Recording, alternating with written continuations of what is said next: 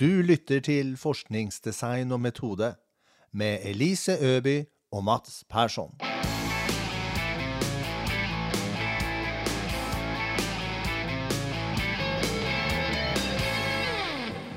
Velkommen til podkasten Forskningsdesign og metode. I dag skal vi snakke om litteraturgjennomgang igjen. Og det har vi snakka om i en tidligere episode også. Og da snakka vi om hensikten med litteraturgjennomgang, hvem som har nytte av å gjøre en litteraturgjennomgang, og at litteraturgjennomgang kan være et forsknings- eller studentoppgave i seg selv, eller som en del av eller forberedelse til en empirisk studie. Og for å gjenta det vi sa da, så var hensikten med en litteraturgjennomgang det er altså å lære seg hva forskningen sier om et spesifikt tema. Forrige gang så snakka vi også om at det fins ulike typer litteraturgjennomganger. Og felles for alle dem, det er at de er systematiske.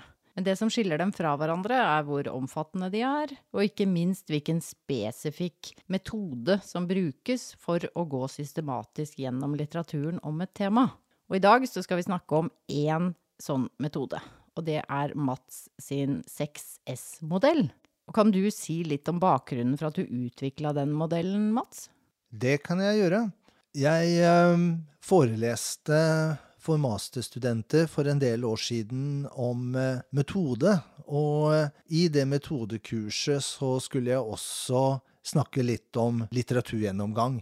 Og det jeg gjorde, var å lage en liten huskelapp, så jeg skulle huske hva jeg skulle si. Og eh, den huskelappen, den utvidet jeg litt mer for hvert år. Og så ble det til slutt en liten modell. Og den modellen, den jobbet jeg videre med og brukte i undervisningen. Og så, på et tidspunkt, så tenkte jeg at nå har jeg brukt så mye tid på å utvikle denne modellen. Kanskje jeg bare skal skrive en liten bok om denne modellen og eh, hvordan man kan bruke den. Og modellen, det er altså da det som ble 6S-modellen. Så modellen heter 6S-modellen, og det er vel ikke uten grunn, for den består av noen deler, seks stykk, som alle sammen heter noe som begynner på S, ikke sant? Hvilke er det? Det stemmer. De seks S-ene står for spørre, søke, sortere, syntetisere, skrive og systematisere. Og poenget er at alle disse delene må vi jobbe med når vi lager en litteraturgjennomgang. Denne og neste episode skal vi bruke til å gå ordentlig inn i modellens ulike deler. Og i denne episoden vier vi til de to første s-ene, altså spørre og søke. Og neste episode tar vi for oss de fire siste s-ene. Og det første du sa, det var spørre. Så hvis vi nå tar utgangspunkt i at hensikten med litteraturgjennomgang, det er å lære seg hva forskningslitteraturen kan fortelle oss om et spesifikt tema. Da betyr det at uh, man må velge seg et tema, men hva er et tema nå igjen? Et tema det kalles uh, også noen ganger for et forskningsfelt, og det er altså en avgrenset del av vitenskapen. Og et tema kan være i stort sett alt det du er interessert i. Det er litt av det samme vi snakket om for noen episoder siden om forskningsspørsmål. At først så må vi bli enige med oss selv om hva er det vi er interessert i? Hva er det som vi har lyst til å jobbe med? Og tema, det kan da eksempel være motstand i organisasjoner. Et annet tema kan være arbeidsledighet, har vi snakket om. Vi har eksempel ulike typer av ledelse. Et tema kan være ulike ledelsesideer eller ledelseskonsepter, eksempel transformasjonsledelse, eller tillitsbasert ledelse er veldig populært for tiden.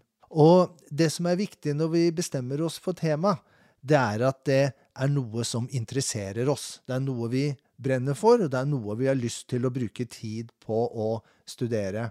I tillegg så skal det jo helst også være interessant og relevant for et videre publikum enn bare oss. Og det er fordi at tema i litteraturgjennomgangen henger sammen med tema i problemstillingen vi lager når vi skal gjennomføre vår empiriske undersøkelse. Men når man har valgt et tema, så heter jo denne delen spørre. Og da har jeg forstått det sånn at man må stille et spørsmål til litteraturgjennomgangen. Altså et spørsmål som skal kunne besvares etter at litteraturgjennomgangen er gjennomført. Kan du si litt om det spørsmålet? Ja, jeg pleier å anbefale de studentene jeg veileder, å starte spørsmålet med hva sier litteraturen om? Og så det du er interessert til å finne ut mer om. Og det er fordi at vi tydelig skal skille mellom en litteraturgjennomgang, hvor vi undersøker hva andre har skrevet om noe, og det vi skal finne ut av selv i den empiriske oppgaven. Men når vi snakka om å utvikle forskningsspørsmål, så snakka vi om at vi må avgrense sånn at det er faktisk gjennomførbart å finne svar på det forskningsspørsmålet. Nå snakker du også om å lage et spørsmål til en litteraturgjennomgang. Er avgrensning på samme måte viktig her? Det er helt riktig. Det er akkurat det samme som når vi avgrenser oss i forbindelse med utviklingen av et forskningsspørsmål til en empirisk oppgave. Og jeg pleier å bruke metaforen kamera og det å ta et bilde. For det første så er det ikke mulig å ta bilde av alt. Du må velge deg et motiv som du tar bilde av. Og på samme måte så må vi velge oss et tema. Og det betyr at det du tar bilde av, altså det som er innenfor rammene, det er det som kommer med. Og det samme gjelder litteraturgjennomgangen. Det er bare det du avgrenser deg til, som kommer med i litteraturgjennomgangen. Det betyr ikke at du ikke er bevisst at det finnes noe utenfor rammen, men du velger å bare se på en del av det. Og det betyr også at det er noen motiver som er mer interessant enn andre å ta bilder av. Sånn er det også med litteraturgjennomgang. Det er noen temaer som kan være mer interessante enn andre. Du bestemmer også hvor nært du ønsker å gå det du tar bilde av. Du kan ta et nærbilde, og du kan ta et oversiktsbilde. Og det er det samme i en litteraturgjennomgang. Det tilsvarer analysenivået. Og det finnes ulike analysenivåer. Og på samme måte som du trenger ulike objektiver til ulike motiver du skal ta når du tar et bilde, så på samme måte trenger du ulike tilnærminger avhengig av analysenivå. Men i veiledningssituasjoner, Mats, så kommer studentene til meg, og så sier de ja, men hvis jeg skal avgrense så mye, så blir det jo så bitte lite. Det blir jo så begrensa prosjekt. Hvordan kan du da vite at du gjennom en sånn litteraturgjennomgang faktisk kan eh, argumentere for at spørsmålet ditt er stort nok? Ja, en vanlig kommentar eh, jeg får fra studenter, er at ting henger jo sammen. Og derfor er det så vanskelig å avgrense. Og ja, ting henger sammen. Men avgrensning, det er når vi bevisst velger noe, og velger bort noe annet. Begrensning, derimot, det er når vi tror at det vi velger, er det eneste vi kan velge.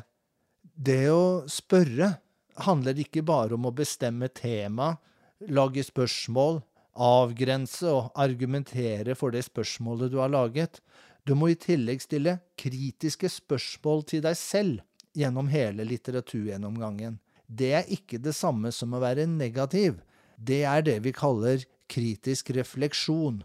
Så å spørre handler også om å stille spørsmål til seg selv, hvor en spør hva en gjør, hvordan gjør jeg det, og hvorfor gjør jeg det. Men da kommer vi nesten litt over til den neste S-en i modellen, og den står for søke.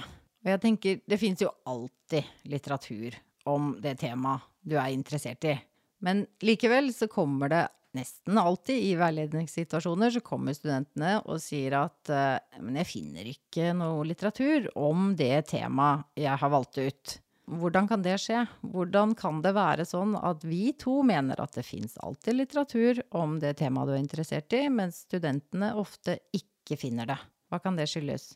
Finner du ikke noe litteratur når du søker, så kan det skyldes minst tre ting. For det første at det du ønsker å undersøke er interessant, men ingen har tidligere tenkt tanken på å undersøke og skrive om det. For det andre, ingen har funnet det du ønsker å undersøke interessant nok til eh, at det er verdt å undersøke. Eller for det tredje, og kanskje mest sannsynlige, du har ikke gjennomført gode nok søk. Og du må derfor ha riktig avgrensning på ditt spørsmål. Ikke for snevert, og ikke for vidt. For å få gode funn når du søker etter litteratur, så må du ha en klar og tydelig avgrensning av ditt spørsmål. Men når du sier at vi skal få gode funn når vi søker etter litteratur, hvor er det man søker etter litteratur? Hva, hva gjør man da?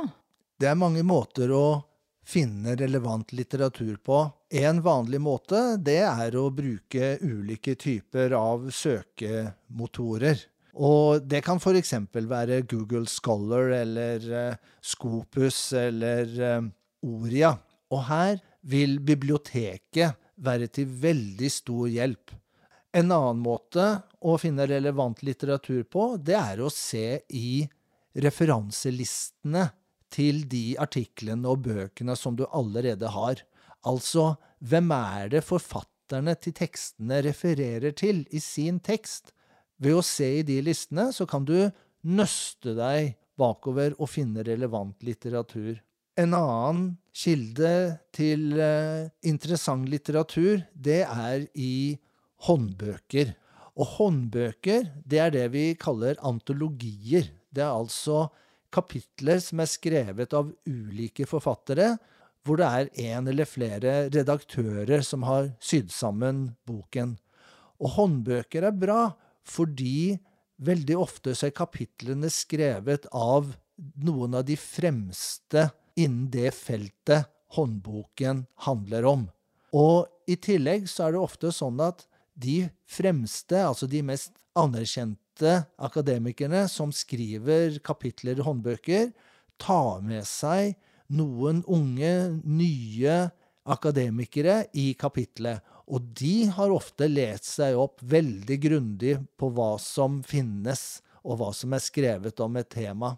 Så finner du et kapittel i en håndbok som eh, handler om det temaet du skal skrive litteraturgjennomgang om, så er det gull.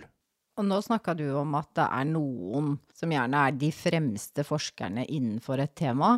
Men når jeg studerer sånne referanselister som du viste til, så ser jeg at det er jo gjerne noen få artikler ofte som går igjen i veldig mange referanselister.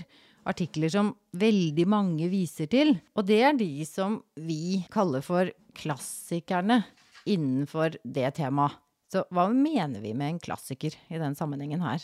En klassiker, det er en tekst som svært mange refererer til, og som gjerne setter en standard innenfor et forskningsfelt. Og klassikerne er viktig å ha med seg fordi at det viser at du har oversikt over det feltet som du gjennomfører litteraturgjennomgangen i.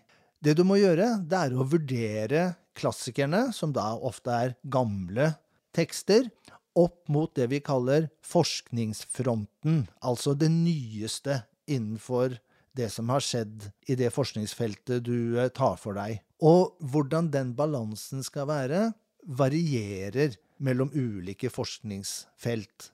Men er det sånn at all litteraturen vi finner ved å bruke en eller annen søkemotor, eller bruke si Google Scholar, da, som veldig mange studenter bruker, eh, er det sånn at all den litteraturen er like god? Eller er det noen sånn kvalitetsforskjeller eller mellom ulike kilder til informasjon? Det er det. Det man kaller for gullstandarden, altså det som er det absolutt beste, det er fagfellevurderte vitenskapelige artikler i anerkjente internasjonale tidsskrifter. Og på den andre siden så er det som vi kanskje har aller minst vitenskapelig tiltro til, meldinger på sosiale medier. En kommentar på Facebook eller Twitter har ingen vitenskapelig verdi. Og derimellom finnes det en lang rekke ulike typer av tekster som vi mer eller mindre anerkjenner vitenskapelig. Bøker utgitt på anerkjente forlag har høy vitenskapelig verdi. En annen måte å vurdere kvaliteten på vitenskapelige tekster, det er å gå til nettsiden som heter Register over vitenskapelige publikasjonskanaler. Der kan du eh, legge inn det tidsskriftet som du har funnet en artikkel i, eller forlaget som har utgitt en bok som du leser. Og hvis tidsskriftet er på nivå én eller to, så er alt ok. Hvis det ikke er det, så er det ikke sikkert at tidsskriftet er det som ofte kalles et røvertidsskrift, altså veldig useriøse tidsskrifter, men det betyr at du må sjekke litt nærmere. Så hvis tidsskriftet er på nivå én eller to, så kan du regne med at kvaliteten er bra. Når du søker etter litteratur, så skiller vi mellom empirisk litteratur, altså hva folk har funnet ut om noe, teoretisk litteratur, som handler om utvikling av nye antakelser om noe, og metodisk litteratur, som handler om ulike måter å gå frem på for å finne ut noe. Vi skiller mellom oversiktsbøker, eller introduksjonsbøker, som er litteratur hvor noen har hentet inn tekster fra andre og skrevet en bok om det. F.eks. introduksjonsbok i organisasjon og ledelse. Og så har vi det vi kaller oversiktsartikler, eller review-artikler, det er artikler hvor noen har gjort den jobben som man gjør i en litteraturgjennomgang. Altså, man har gått igjennom litteraturen, og så skriver man en artikkel om det. Og hvis du finner en oversiktsartikkel innenfor det temaet som du skal skrive litteraturgjennomgang om, så er det veldig bra. For da har jo noen gjort veldig mye av jobben din allerede. Du har kommet et langt skritt videre. Og så har vi det vi kaller spesialiserte bøker og artikler. Og spesialiserte bøker, det er bøker som har et spesifikt tema. Eksempel en bok om endringsledelse. Eller en spesifikk artikkel som presenterer en helt konkret undersøkelse som er gjort. Og nå har vi snakka en del om det å søke etter litteratur, og jeg vil bare nevne det igjen, at de ansatte på biblioteket er en kjemperessurs for alle som skal lete seg fram til eh, forskningslitteratur om et tema de er interessert i. De som jobber på bibliotekene er veldig gode på dette, og hvorfor ikke bruke de beste hjelperessursene vi har. Og når vi gjør gode søk, kanskje ved hjelp av noen på biblioteket, så finner vi mye litteratur. Og da må man jo på en eller annen måte komme i gang med å få en eller annen form for oversikt over den litteraturen vi har funnet. Og kanskje vi har funnet så mye at vi ikke kan ikke sette oss inn i alt. Vi kan ikke lese alt like nøye, fordi det har vi rett og slett ikke tid til. Så da kommer vi til den neste S-en i modellen. Og den handler om akkurat det, å få oversikt over den litteraturen vi har funnet, med å sortere. Sortering av litteratur og de tre siste S-ene i modellen tar vi for oss i neste episode. Så heng med oss da. Takk for i dag. Takk for i dag.